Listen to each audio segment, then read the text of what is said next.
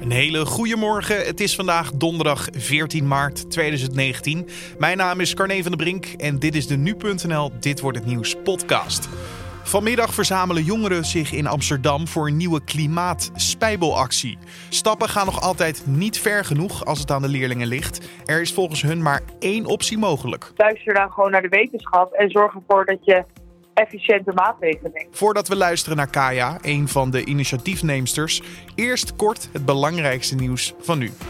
De Amerikaanse Senaat heeft met 54 stemmen voor en 46 stemmen tegen een resolutie aangenomen waarmee het een einde wil maken aan de Amerikaanse militaire steun aan Saudi-Arabië in Jemen. Daarmee wijst de Senaat directe beleid van president Donald Trump richting het Saoedische Koninkrijk af.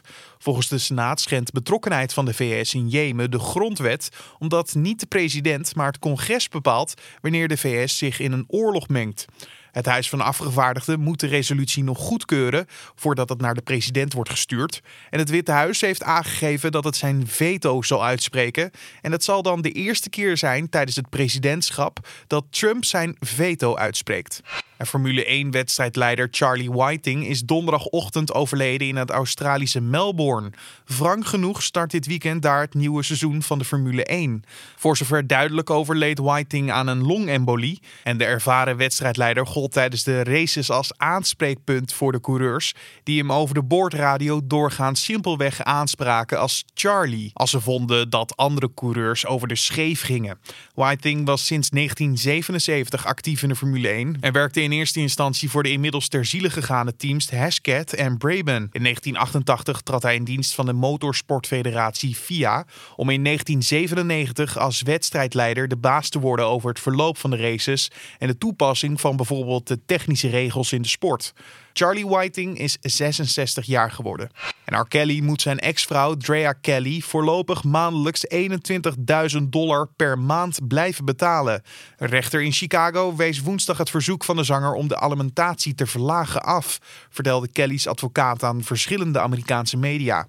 R. Kelly verscheen zelf ook bij de hoorzitting en volgens zijn advocaat volgt er later nog een hoorzitting om ervoor te zorgen dat het bedrag alsnog verlaagd wordt. Volgende week vrijdag moet de zanger zich weer melden in de rechtbank vanwege de aanklacht van seksueel misbruik. Kelly wordt ervan verdacht vier vrouwen, onder wie drie minderjarigen, te hebben misbruikt. Zelf zegt de zanger onschuldig te zijn. En Liverpool heeft woensdag ten koste van Bayern München de kwartfinales van de Champions League bereikt. De Engelse club won in de Allianz Arena mede door een goal en een assist van Virgil van Dijk met 1-3. En de andere wedstrijd van de avond was FC Barcelona tegen Olympique Lyon.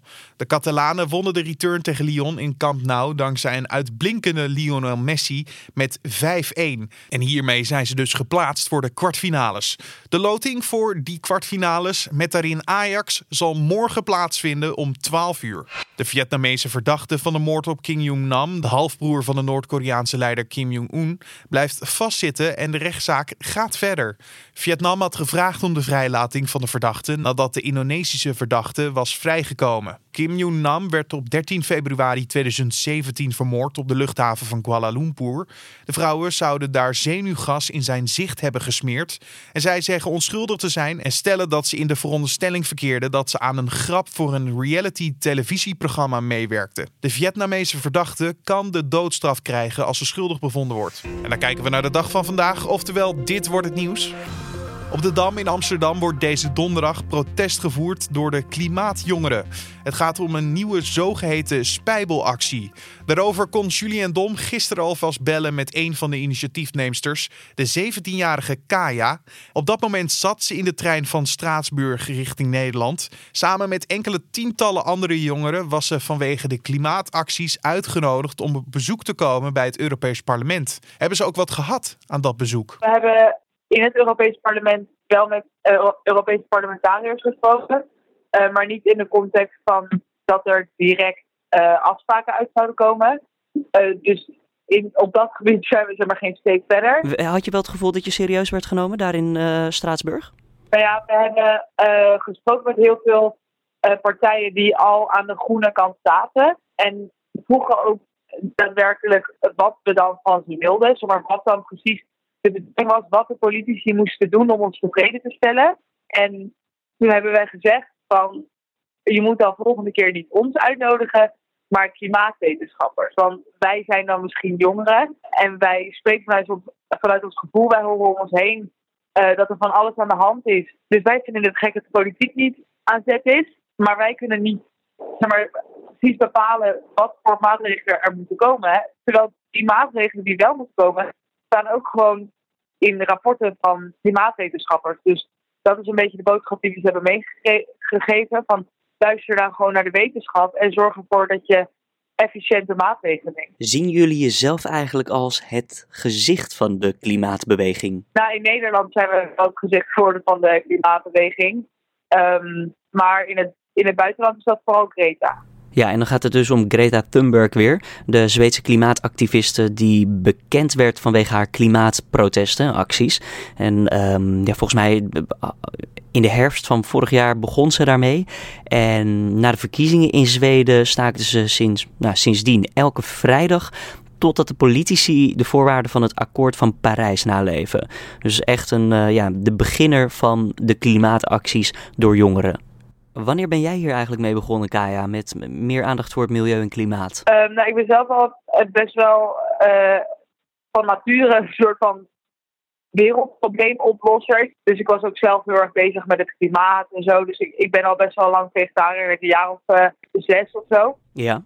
Um, en toen Stijn dat bericht in de groep stuurde, dus uh, toen en Stijn is voor dacht de... ik van nou, dit, Stijn is ja, degene die zeg maar geïnspireerd werd door Anuna en had gezegd van jongens, we moeten dit ook in Nederland doen. Um, toen ja. dus gevraagd of er mensen wilden helpen met het organiseren daarvan. En toen heb ik die kans gegeven van oké, nu kan ik dit echt op grote schaal echt een verschil maken. En uh, ja, dat zijn we nu echt aan het doen, denk ik.